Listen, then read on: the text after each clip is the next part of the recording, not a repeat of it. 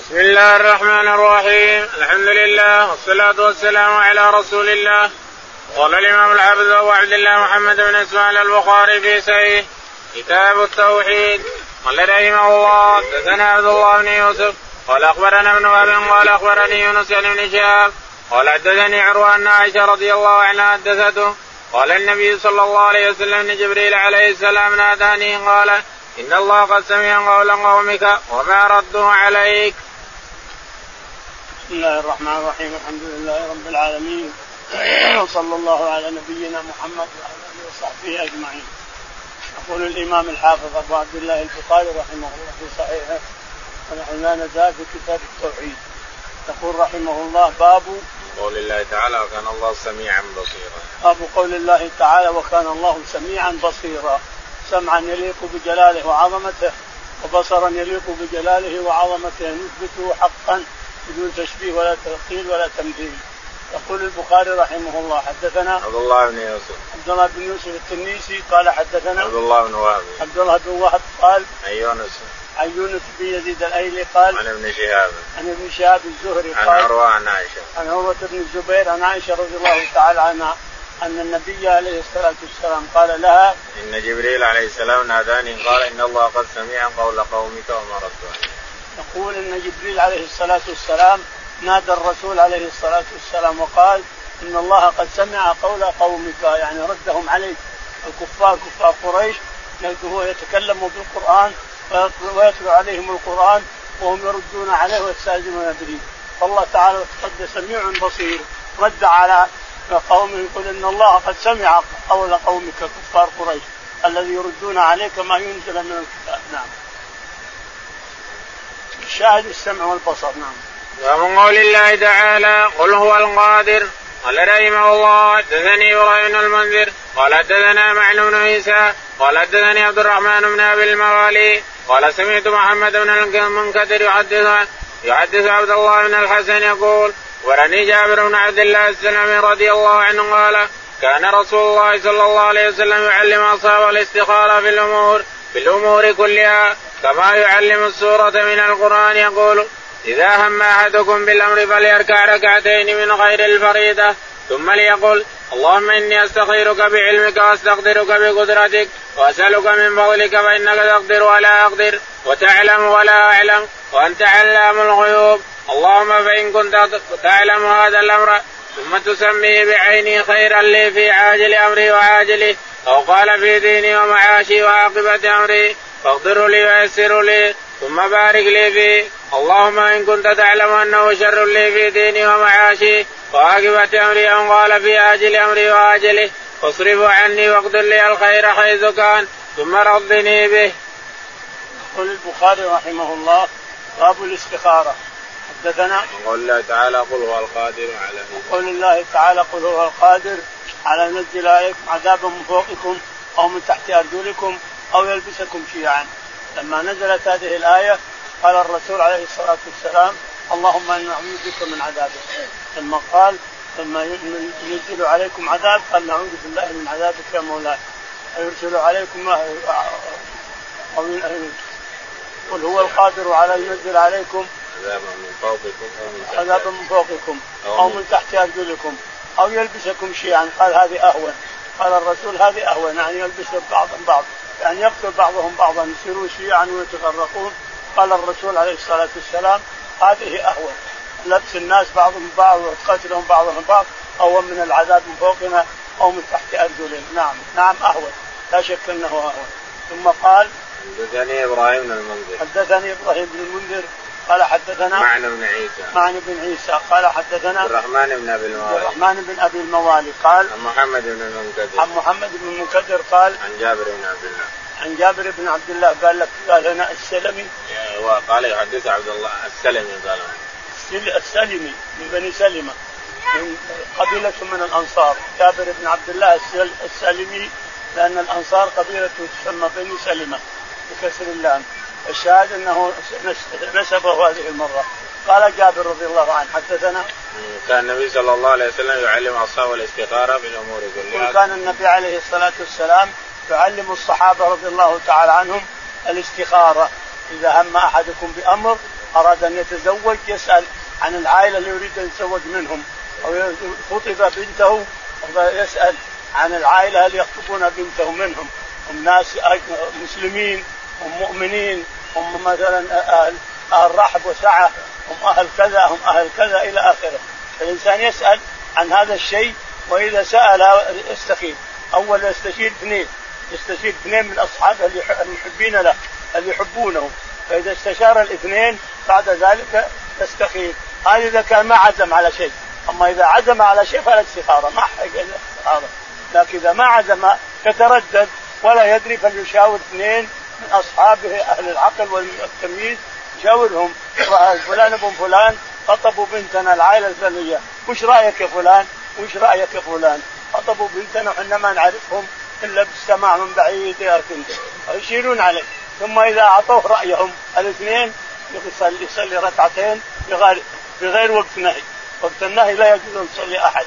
وقت النهي لا يجوز أن تصلي فريضة ولا ولا نافلة. الشاهد تقول اللهم إني أستغفرك به أول من تكبر وتقرأ الفاتحة وتركع الركوع ثم تسجد. فإذا سبحت ثلاث مرات تقول اللهم إني استخيرك بعلمك واستجيرك بحكمتك وأسألك من فضلك العظيم فإنك تقدر ولا أقدر وتعلم ولا أعلم وأنت علام الغيوب. اللهم كنت تعلم أن هذه العائلة بنت هذه العائلة خير لي في ديني ودنياي ومعاشي وعاقبة أمري وعاجله وآجله فاقدره لي ويسره لي. وانت كنت تعلم أن بنت هذه العائلة شر لي في ديني ودنياي يعني بتزوج يسمي المرأة. إذا أراد أن يتزوج يسمي المرأة. وإن كان بيزوج ولده يقول كنت تعلم أن زواج ولدي بفلانة بنت فلان. فيسمي الأمر بعينه. يسمي الأمر اللي يريده بعينه. اقدره لي ويسره لي. واصرف عني واصرفني أشياء لي الخير حيث كان ثم رضني به. أول يصلي ركعتين فإذا كانت الساعة في الركعة الأخيرة السجود الأخير تقرأ هذا الدعاء. ثم إذا سلمت تمد يديك وتقرأ هذا الدعاء. مرتين. تقرأ الدعاء الاستخارة هذه تقرأها مرتين. مرة وأنت ساجد في السجود الأخير ومرة إذا سلمت من يديك إلى الله وتسأل هذا الدعاء دعاء الاستخارة. هذا متى؟ إذا لم تكن عازم على شيء. ما أنت عازم؟ متردد وتبي الاستخاره من رب العالمين تستشير الاثنين وتستخير ربك تعالى وتقدس فإنك وإذا لم ينفتح لك شيء صليت الاستخارة ولم فتح قلبك على شيء أن تريد أن تزوج ولدك هذه المرأة أو يريدون يزوجوا بنتك الانسان لكن ما انفتح شيء من قلبك. يعني استخرت الله لكن ما رأيت لا لا هنا ولا هنا ما رأيت شيء. أنت أنت أعد الاستخارة إلى ثلاث مرات أعد الاستخارة إلى ثلاث مرات ولازم ينفرد قلبك عن شيء. أما يقول نعم ولا يقول لا؟ باب منقلب القلوب قول الله تعالى ونقلب أفئدتهم وأبصارهم. قال حدثني سعيد بن سليمان عن ابن المبارك عن موسى بن عقبة عن سالم عن عبد الله رضي الله عنه قال أكثر ما كان النبي صلى الله عليه وسلم يحلف لا ومنقلب القلوب. يقول البخاري رحمه الله باب قول الله تعالى وقول النبي عليه الصلاة والسلام ومقلب القلوب. يعني الرسول عليه الصلاة والسلام دائما إذا دعا دعا إذا كلموا أحد وفعل هذا يحلف بربه. يقول لا هو مقلب القلوب. نعم هو المتصرف بملكه تعالى وتقدم. وهو مقلب قلوب عباده. يزيل هذا يثبت هذا ويعز هذا ويذل هذا. هو المتصرف في عباده. فتدعو أن اللهم يا مقلب القلوب ثبت قلبي على دينك. نعم. حدثنا وقول الله تعالى ونقلب أفئدتهم وأبصارهم. وقول الله تفسير قول الله تعالى ونقلب أفئدتهم وأبصارهم كما لم يؤمنوا به أول مرة ونذرهم في طغيانهم يعمهون لا حول ولا قوة. ونقلب أفئدتهم وأبصارهم الأفئدة والأبصار. ونقلب أفئدتهم وأبصارهم كما لم يؤمنوا به أول مرة ونذرهم في طغيانهم يعمهون. ولهذا بعض العلماء يستحب أن تقول يا مقلب القلوب والأبصار. نعم. قال حدثني سعيد بن سليمان. حدثني سعيد بن سليمان. بن سليمان. قال حدثنا عبد الله بن المبارك عبد الله بن المبارك قال حدثنا موسى بن عقبة. نعم. موسى بن عقبة. موسى بن عقبة قال عن سالم بن عبد الله. عن سالم بن عبد الله قال عن أبيه عبد الله بن عمر عن أبي عبد الله بن عمر رضي الله تعالى عنه أن النبي عليه الصلاة والسلام قال أكثر ما كان النبي صلى الله عليه وسلم يحلف لا القلوب يقول ابن عمر أن النبي عليه الصلاة والسلام أكثر ما كان يحلف إذا حلف يقول لا ومقلب القلوب صفة من صفات الله تعالى وتقدس أنه يقلب قلوب الآدميين وغيرهم نعم. باب إن لله مئة اسم إلا واحدا قال ابن عباس ذو الجلال العظمه البر اللطيف قال حدثنا أبو اليمان. قال أخبرنا شيب قال حدثنا أبو الزناد عن الأعرج. عن أبي هريرة رضي الله عنه أن رسول الله صلى الله عليه وسلم قال لله تسعة وتسعين اسما مئة إلا واحدة من عسى دخل الجنة أحصيناه وحفظناه. يقول البخاري رحمه الله باب باب إن لله 100 اسم إلا واحد. إن لله 100 اسم إلا واحد يعني 99 اسم من حفظها وعمل بها دخل الجنة. يقول البخاري رحمه الله حدثنا قال ابن عباس ذو الجلال ذو العظمة قال ابن عباس ذو الجلال والعظمة يعني مثل هذه الأسماء ذو الجلال ذو الجلال رب العالمين وذو العظمة رب العالمين تعالى وتقدس ثم أمشي على الاسماء الحسنى كلها بهذا الشكل البر اللطيف. أنت البر والبر اللطيف الرحيم. كثيرة لله 99 اسم. من حفظها حفظا بقلبه وعمل بها دخل الجنة. قال حدثنا أبو اليمان. يقول البخاري حدثنا أبو اليمان. قال حدثنا شعيب. شعيب. قال حدثنا أبو الزناد عن الأعرج. أبو الزناد عن الأعرج عن أبي هريرة. نعم. أن رسول الله صلى الله عليه وسلم قال إن لله 99 اسما. أن رسول الله عليه الصلاة والسلام قال إن لله 99 اسما. من حفظها يعني وعمل بها دخل الجنة. من حفظ 99 هذه اسماء الله. وعمل بها عمل بما فيها. السلام المؤمن المهيمن العزيز الجبار إلى 99 حفظها حفظا متقنا. وعمل بكل واحد بما يدل عليه كله. عمل بها دخل الجنة. وذكرها الترمذي بجامعها كلها. بجميعها. ذكرها الترمذي جميعها. 99 وعدها 99 اسم لرب العالمين. أحصيناه وحفظناه. أحصيناه وحفظناه. نعم.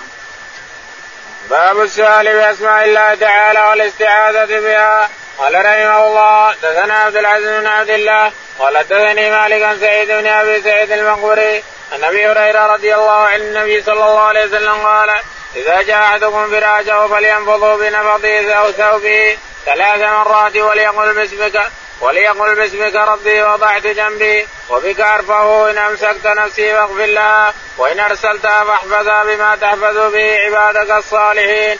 تابعه يحيى وبشر بن المفضل عن عبيد الله عن سعيد عن أبي هريرة عن النبي صلى الله عليه وسلم وزاد زهير وأبو ضمر وإسماعيل بن زكريا عن عبيد الله عن سعيد عن أبي عن أبي هريرة عن النبي صلى الله عليه وسلم وروى ابن عجلان عن سعيد عن أبي هريرة عن النبي صلى الله عليه وسلم تابعه محمد بن عبد الرحمن الدراوردي وأسامة بن حفص. يقول البخاري رحمه الله باب السؤال بأسماء الله تعالى. باب سؤال الله بأسمائه تعالى وتقدم والاستعاذة بها. والاستعاذة بها. تسأله بأسمائه وتستعيذ به بأسمائه. اللهم نعوذ بك أنت المهيمن أنت الجبار المتكبر فاحفظني من كذا وكذا. اللهم إنا أسألك بأسمائك الحسنى وصفاتك العليا أن تغفر لي أو أن ترزقني ولدا أو أن ترزقني مالا حلالا. لتسأل ربك بأسماء الحسنى يستجيب لك تعالى وتقدس. لأنه قال ادعوني أستجب لكم. إن الذين يستكبرون عن عبادتي فتقول أنت يا رب إنك قلت ادعوني أستجب لكم وإني أدعوك فاستجب لي. أدعوك يا مولاي استجب لي. وتدعوه بما تشاء. أي أي أي حاجة بها سواء دين أو دنيا أي حاجة. تقول يا رب أنت قلت ادعوني أستجب لكم وأنا أدعوك الآن فاستجب لي يا مولاي. فيستجيب ربك لك تعالى وتقدم يقول البخاري حدثنا عبد العزيز عبد العزيز قال حدثنا مالك. مالك قال حدثنا سعيد بن أبي سعيد. سعيد بن أبي سعيد المقبري قال عن أبي هريرة. عن أبي هريرة رضي الله تعالى عنه أن النبي عليه الصلاة والسلام قال إذا جاء أحدكم فراشه فلينفضه إذا جاء أحدكم فراشه يعني فراش مفروش ينام عليه. فراش مفروش وينام عليه. أما إذا كان مطوي ثم أراد أن ينام هذا شيء آخر. لكن إذا كان الفراش مفروش ما يشغل عن مكانه. فأنت إذا أتيت أن تنام فيه بالليل ليلا فتنفضه ثلاث مرات. تنفض الفراش ثلاث مرات. لأنك ما تدري إيش أوائل فراشك الفراش مفروش ما تدري عقرب حنش أي أي أي شيء يؤذيك الإنسان. فأنت تنفضه بيديك أو بردائك أو شيء ثلاث مرات حيث أنك تنقيه من الأذى. تنقيهم من الشر إن كان في شر. نعم. وليقول باسمك ربي وضعت جنبي. وليقول باسمك ربي وضعت جنبي وبك أرفعها فإن أمسكتها فارحمها وإن أرسلتها فاحفظها بما تحفظ عبادك الصالحين. آه، وزاد زهير وأبو ضمرة وإسماعيل عن سعيد النبي عن أبي هريرة. وزاد أبو ضمرة عن؟ وإسماعيل. وإسماعيل عن عبيد الله. عن عبيد الله قال؟ عن سعيد بن أبي سعيد. عن سعيد بن أبي سعيد عن, عن؟ أبيه.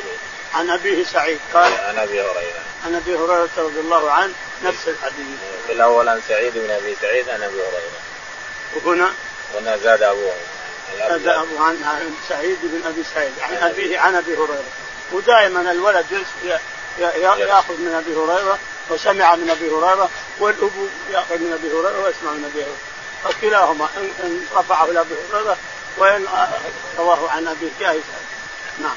قال رحمه الله حدثنا مسلم قال حدثنا شعبان عبد الملك الربيعي عن حذيفة رضي الله عنه قال كان النبي صلى الله عليه وسلم إذا اوى إلى فراشه قال اللهم باسمك أحيا وأموت وإذا أسمع قال الحمد لله الذي أحيانا بعد ما ماتنا وإليه النشور.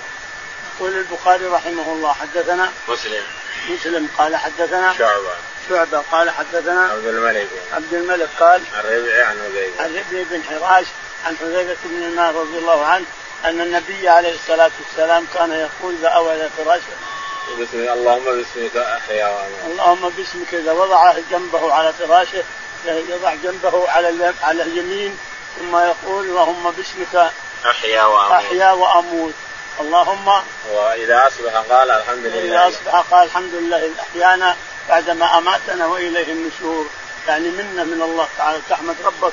على أن احياك تصلي أو احياك مثلا تذكر الله أو احياك تتوضأ تذكر الله وتحمد ربك اللي احياك الحمد لله الذي أحيانا بعدما أماتنا واليه النشور. لأن يعني النوم موت. النوم موت. تسمى موتة صغرى. نعم.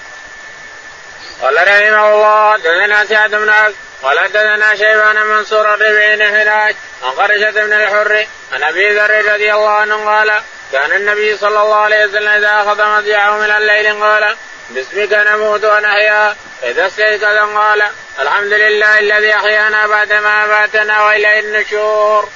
هذا شاهد للصحابة السابق أبي هريرة.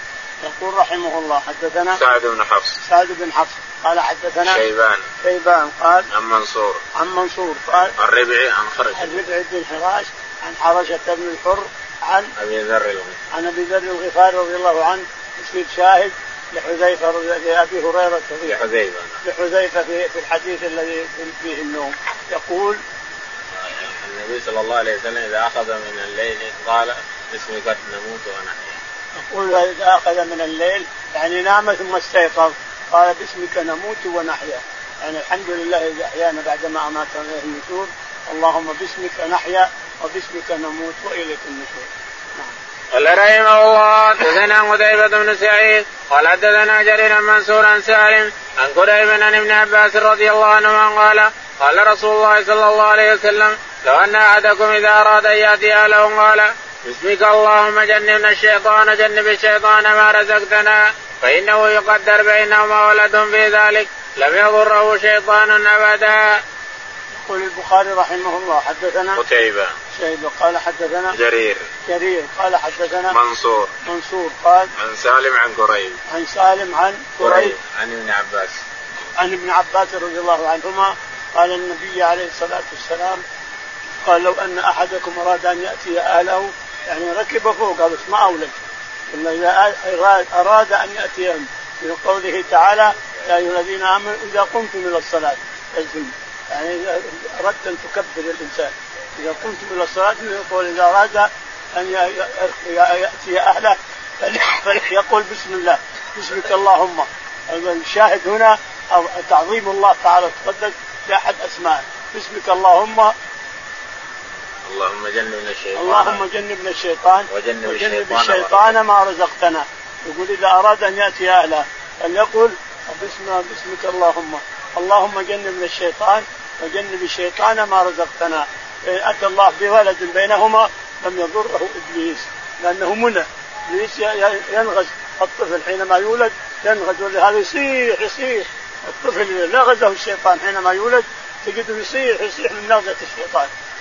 لكن إذا قال هذا الكلام عند المره وحملته ولدت لا يضره. قال رحمه الله دثنا أبو الله بن مسلم قال دثنا فضيل بن منصور عن إبراهيم عن همام عن عدي بن حاتم رضي الله عنه قال سألت النبي صلى الله عليه وسلم قلت أرسل كلاب المعلمة؟ قال إذا أرسلت كلابك المعلمة ذكرت اسم الله فأمسكنا فكل وإذا رميت بالمعراج فخرج فكل. يقول البخاري رحمه الله حدثنا عبد الله بن مسلم. عبد الله بن مسلم القعنبي قال حدثنا فضيل. فضيل قال عن منصور عن إبراهيم. عن منصور عن إبراهيم قال عن همام عن عن همام عن عدي بن حاتم. عن عدي بن حاتم رضي الله تعالى عنه أنه سأل النبي عليه الصلاة والسلام عن الكلاب المعلمة. يريد أن يرسل كلبه تصير له ظبي ولا تصير أرنب ولا تصير شيء. قال أردت أن ترسل كلبك بس فاذكر اسم الله عليه فإن اختلط بكلبك غيره فهو حرام لا تأكل منه. انه اختلط إنسان ما سميت عليه. لكن لا مسك كلبك وحده مسك الظبي أو مسك الأرنب أو مسك الحضاره أو ذكرت اسم الله عليه فهو حلال كل وإذا لم تذكره سواء ناسيا أو جاهل فإنه لا يحل. وإذا رميت بالمعراض فغزت الصدر وإذا رميت بالمعراض المعراض اللي ترمي فيه الإنسان حديدة حديدة ثقيلة فغرزت بدم الدبوس هذا. غرزت واخرجت الدم فهو حلال. وإن مات بعرضه فليس بحلال قال رحمه الله حدثنا يوسف بن موسى قال حدثنا أبو خالد الأحمر قال سمعت هشام بن عروة يحدث عن أبي عن عائشة رضي الله عنها قالت قالوا يا رسول الله إن هنا أقواما حديثا عهدهم بشرك يأتونا بالاحمان لا ندري يذكرون اسم الله عليه أو لا. قال اذكروا أنتم اسم الله وكلوا. تابعه محمد بن عبد الرحمن الدراوردي وأسامة بن حفص. يقول البخاري رحمه الله. حدثنا يوسف. يوسف. قال حدثنا أبو خالد الأحمر. أبو خالد الأحمر سليمان بن حيان اسمه. قال حدثنا هشام بن عروة. هشام بن عروة. عن أبيه. عن أبيه عروة. قال عن عائشة. عن عائشة رضي الله تعالى عنها أنها سألت النبي عليه الصلاة والسلام عن أناس يسمون فلوه الصلب. يصيدون الصيد الظبا ثم يشكونها يشققونها يشققونها ينشرونها في الشمس حتى تيبس ثم يبيعونها على الناس. تقول عائشة رضي الله عنها إن ناسا يأتون بلحوم. ما ندري سموا الله عليه أو ما سم؟ فسموا أنتم. معناه إن اللحم اللي يأتينا مصبر من الخارج الآن أننا نسمي عليه خلاص ولا نتشكك. ولا نقول ما كيف ذبحوا كيف ما ذبحوا كيف لا تسأل. ذاك شيء مجهول حلال. بس انت سم الله عليه وكل لا. قال رحمه الله دثنا بن عمر. قال دثنا هشام قتادة عن أنس رضي الله عنه قال ضحى النبي صلى الله عليه وسلم بكبشين يسمي ويكبر. يقول البخاري رحمه الله حدثنا حفص بن عمر. حفص بن عمر قال حدثنا هشام الدستوائي هشام الدستوائي قال عن قتادة عن أنس. عن قتادة بن دعامة السدوسي عن أنس بن مالك رضي الله تعالى عنه أن النبي عليه الصلاة والسلام ضحى بكبشين أقرنين أملحين يطأان بسواد ويأكلان بسواد وينظران بسواد اثنين. النبي عليه الصلاة والسلام يعني ينظران بالعيون سود اللي بحولها كله أسود ولفم اللي حوله كله أسود. الشاهد والبطي الرجلين التحتانية كلها أسود. الشاهد أنه جاء بكبشين عليه الصلاة والسلام فأخذ الأول وسدحه وحط يده رجله الكريمة على العنق ثم قال بسم الله والله أكبر عن محمد وآل محمد. هذا الأول.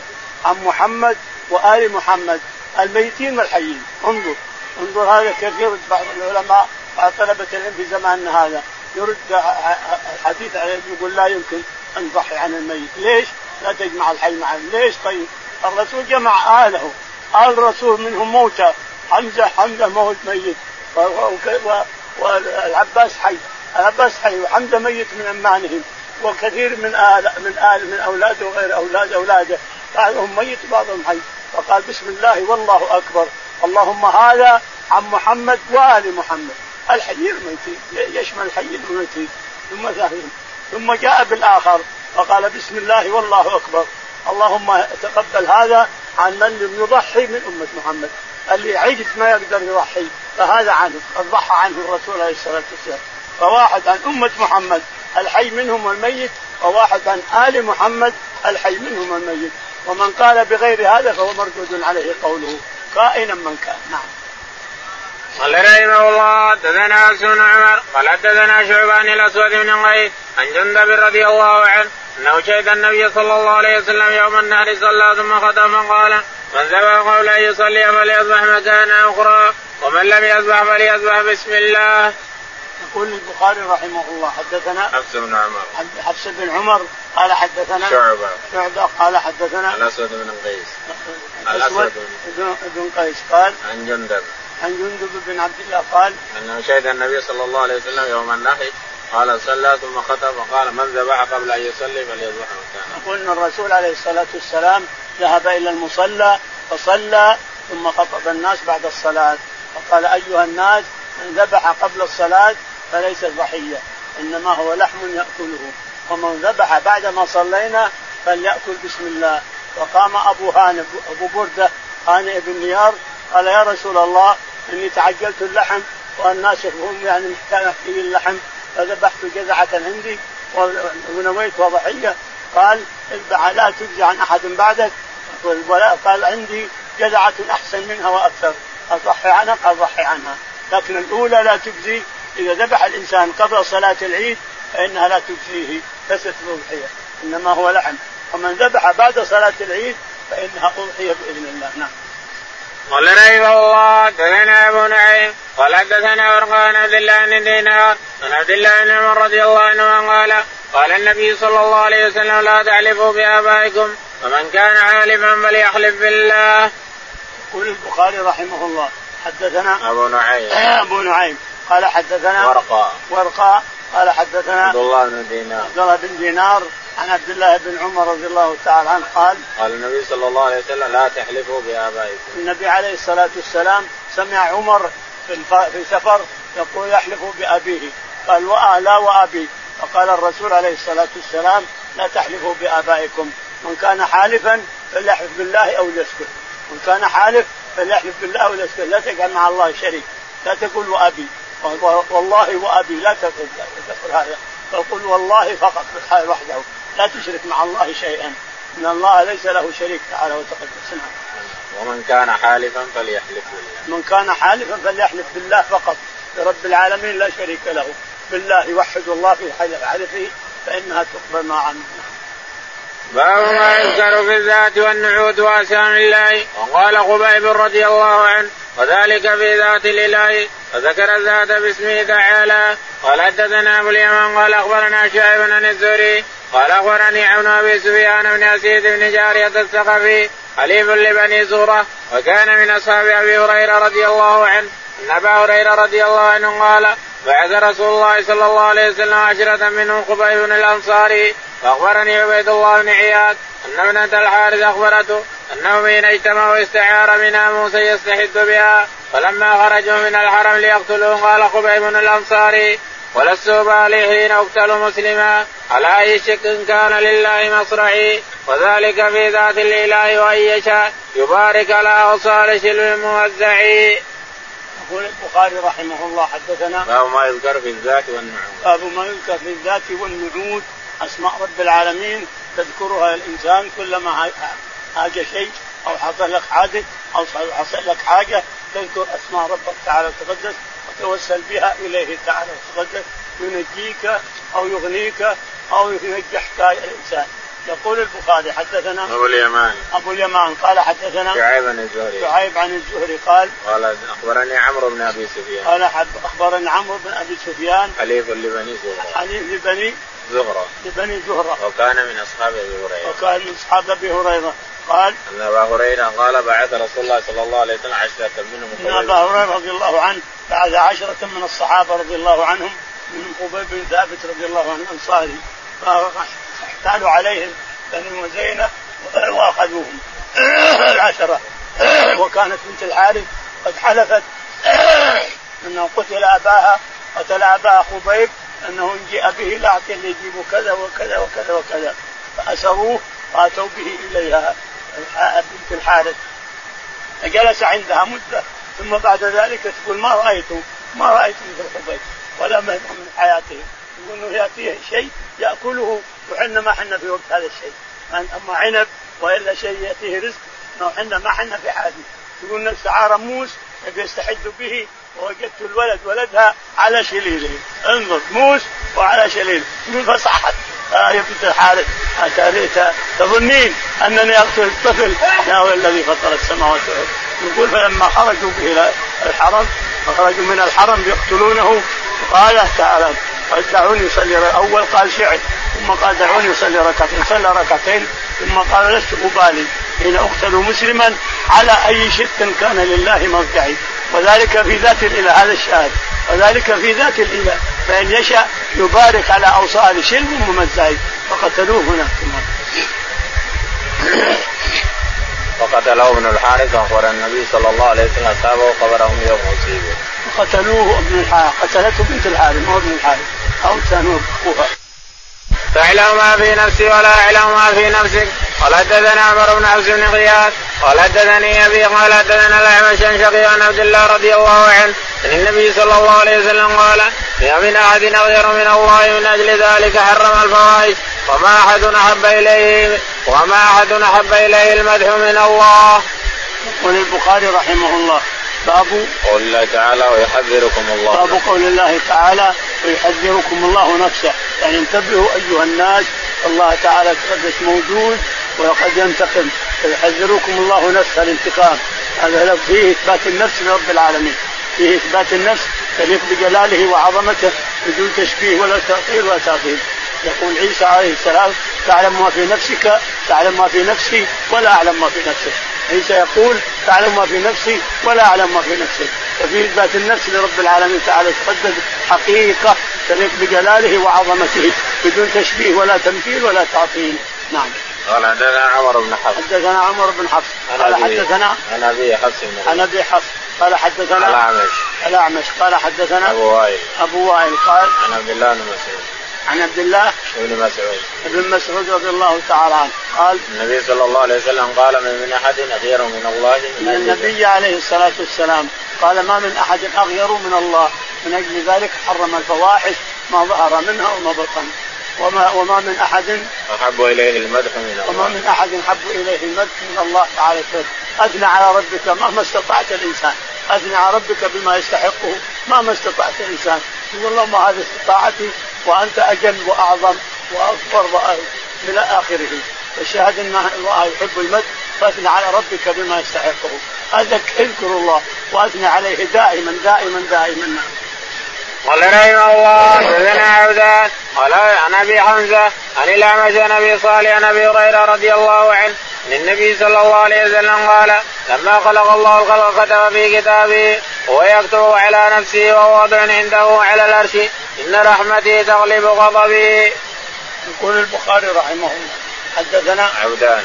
عبدان قال حدثنا أبو حمزة السكري. أبو حمزة السكري. قال عن الأعمش. عن الأعمش قال عن أبي صالح. عن أبي صالح السمان قال عن أبي هريرة. عن أبي هريرة رضي الله عنه قال النبي صلى الله عليه وسلم قال لما خلق الله الخلق كتب في كتابه هو يكتب على نفسه ووضع عنده. يقول إن الله تعالى وتقدس لما خلق الخلق كتب على نفسه إن رحمتي غلبت غضبي أو سبقت غضبي. الشاهد أنه كتب على نفسه تعالى وتقدس وجعل هذه الكتابة في اللوح المحفوظ. وفي رواية وردت أن الله تعالى تقدس أول ما خلق الله القلم. أول ما خلق الله القلم بالنسبة إلى القلم. إلا فالله قد خلق السماوات والأرض والبحار وغيرها والعرش واستوى على العرش. لكن هنا بالنسبة إلى ما بعد القلم قال أول ما خلق الله القلم فقال له اكتب. قال ما أكتب؟ اكتب ما هو كائن إلى يوم القيامة. فجرى القلم. القلم يجري وربنا يتكلم. القرآن يجري القلم يجري يكتب وربنا يتكلم للقلم حتى اكتب في هذا الرد على المعتزلة والجهمية اللي يقولون إن القرآن مخلوق لأن الله تكلم به وبس. والقرآن عنده عرف يضاف إلى من قاله مبتدي لا إلى من قاله مؤديا مبلغا. وربنا أنزل القرآن مبلغا مؤديا. نقول هذا شوف كلام رب العالمين. إن الله أول إنه يقول الرسول عليه الصلاة والسلام أول ما خلق الله القلم. فقال له اكتب. قال ما اكتب؟ قال اكتب ما هو كائن يوم القيامة. فجرى القلم القلم يكتب يجري بإيش؟ فراغ لا. تجي الله يتكلم تعالى وتقدس والقلم يكتب. فصار المبتدي المبتدي بالكلام رب العالمين تعالى. فبطلت حجة المعتزلة والأشاعرة. الذي كتب القلم بما هو كائن يوم القيامة. فأبدعه رب العالمين. اللوح المحفوظ يجري على ما أراده الله تعالى وتقدس نعم. قال رحمه الله حدثنا عمر بن حفص قال حدثنا أبي قال حدثنا الأعمش قال سمعت أبا صالح عن ابي هريرة رضي الله عنه قال قال النبي صلى الله عليه وسلم يقول الله تعالى أنا عند ظن عبدي بي وأنا معه إذا ذكرني فان ذكرني في نفسي ذكرته في نفسي وإن ذكرني في ملأ ذكرته في ملأ خير منهم وإن تقرب إلي بشبر تقربت إليه ذراعا وإن تقرب إلي ذراعا تقربت منه باعا وإن أتاني يمشي اتيته هروله. يقول البخاري رحمه الله حدثنا عمر بن حفص. عمر بن حفص بن غياث. عن أبي. عن أبي حفص بن غياث قال عن الأعمش. عن الأعمش قال عن أبي صالح عن أبي عن أبي صالح عن أبي هريرة رضي الله تعالى عنه أن النبي عليه الصلاة والسلام قال قال الله تعالى أنا عند ظن عبدي. بي قال الله تعالى أنا عند ظن عبدي بي. إن وأنا معه إذا ذكرني. وأنا معه إذا ذكرني. يعني ربنا تعالى وتقدس مع كل مخلوق. فاذا ذكرت ربك فهو معك واللي ما يذكر الله هو معه حتى لو ما ذكر الله لكن هو مع كل مخلوق في السماوات وفي الأرض كل مخلوق في السماوات والأرض وهو محيط به ومعه. فإن ذكرت ربك ذكرك إن ذكرته في نفسك ذكرك في نفسه وإن ذكرته في ملا ذكره في الملا خير منه. وما أتى وإن أتيت ربك يعني إذا فعلت فعل تريد أن تتقرب به إلى الله أتاك ربك بمثله. فإن أتاني ربي يمشي أتيته هرولا إلى آخره. هذه كلها صفات رب العالمين نثبتها ونكررها تليق بجلاله وعظمته. نعم. ومن قول الله تعالى كل شيء هالك إلا وجهه. قال حدثنا قتيبة قال حدثنا حماد بن عمرو عن جابر بن عبد الله رضي الله عنه قال لما نزلت هذه الآية قل هو القادر على أن يبعث عليكم عذابا من فوقكم. قال النبي صلى الله عليه وسلم أعوذ بوجهك. فقال أو من تحت أرجلكم. فقال النبي صلى الله عليه وسلم أعوذ بوجهك. قال أو يلبسكم شيعا. فقال النبي صلى الله عليه وسلم هذا أيسر. يقول البخاري رحمه الله. حدثنا باب قول الله تعالى كل شيء هالك باب قول الله تعالى كل شيء هالك إلا وجهه. في اثبات الوجه حقيقة يليق بجلاله وعظمته بدون تشبيه ولا تعطيل ولا تمثيل ولا تشبيه. الحقيقة نثبت الوجه لرب العالمين كما جاء في القرآن نثبته حقيقة بدون تشبيه ولا تمثيل ولا تعطيل يليق بجلاله وعظمته. يقول البخاري حدثنا قتيبة بن سعيد. قتيبة بن سعيد. قال حدثنا حماد بن زيد. نعم. حماد بن زيد. حماد بن زيد. قال حدثنا عمرو بن دينار. عمرو بن دينار قال عن جابر بن عبد الله. عن جابر بن عبد الله قال لما نزلت هذه الآية قل هو القادر على أن يبعث عليكم يقول جابر لما نزلت هذه على الرسول عليه الصلاة والسلام قل هو القادر على أن يبعث. عليكم عذابا من فوقكم. قال الرسول عليه الصلاة والسلام نعوذ بكم نعوذ أعوذ بوجهك. أعوذ بوجهك الكريم أن لا يأتينا العذاب. ثم قال أو, أو من تحت أرجلكم. قال الرسول أعوذ بوجهك الكريم يا ربي. ولما أتى قوله تعالى أو يلبسكم شيعا؟ يذيق بأسكم بعض قال هذه أهون. هذه أهون. كون يلبس بعضنا بعض يقتل بعضا أهون من كون يعم الناس بعذاب من تحتهم أو من فوقهم. نعم.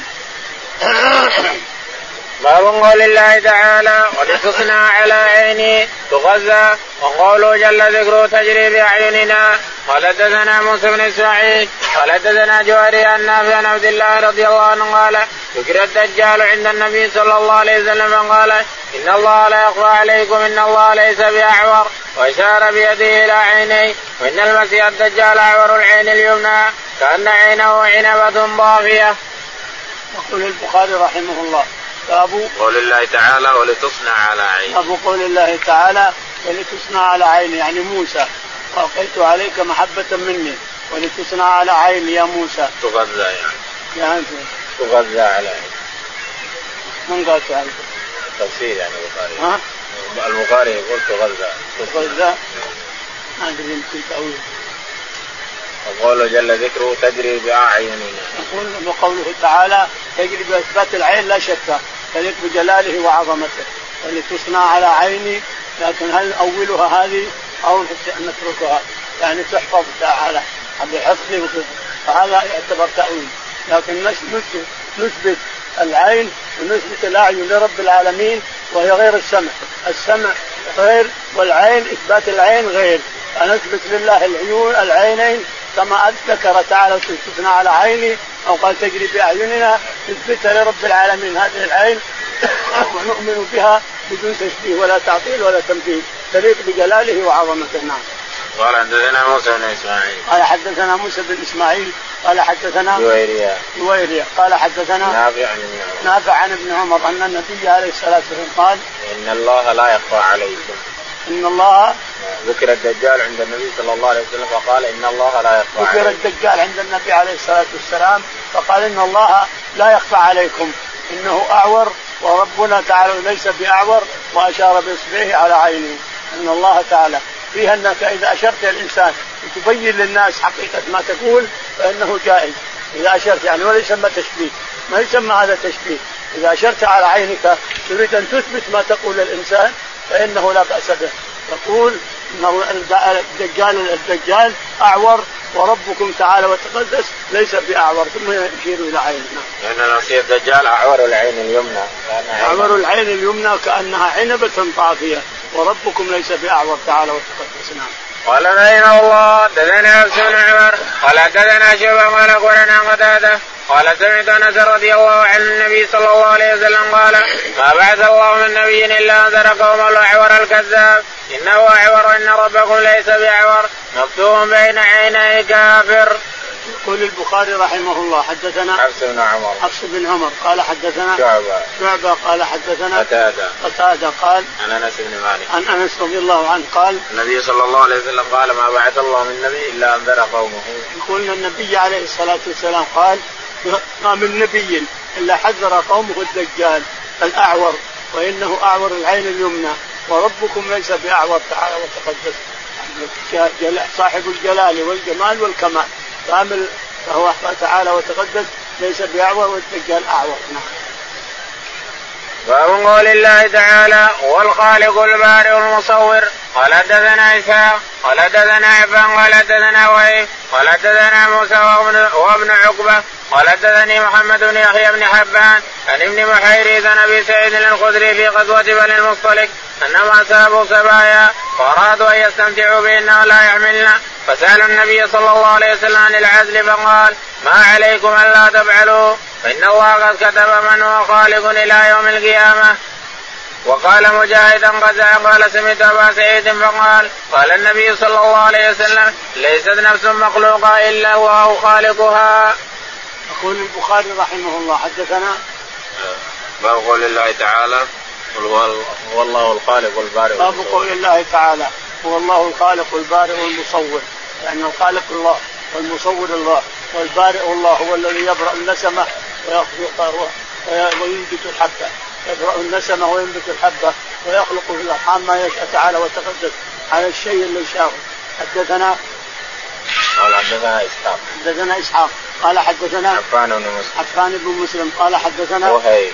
وهيب. قال حد زهير. قال حدثنا موسى بن عقبه موسى بن عقبة قال قال محمد بن يحيى. حدثنا محمد بن محيريز قال قال عن ابن محيريز عن أبي سعيد الخدري. عن ابن محيريز عن أبي سعيد الخدري رضي الله تعالى عنه أن النبي عليه الصلاة والسلام قال أبو سعيد يقول في غزوة بني المصطلق أنهم أصابوا أبو سعيد رضي الله تعالى عنه يقول إن في غزوة بني المصطلق أصاب الناس سبايا يعني وقعت تأتمهم لما قسمت السهام وقع في سهمك جارية بنت من من بناتهم وهذا وقع في بنت من بناتهم.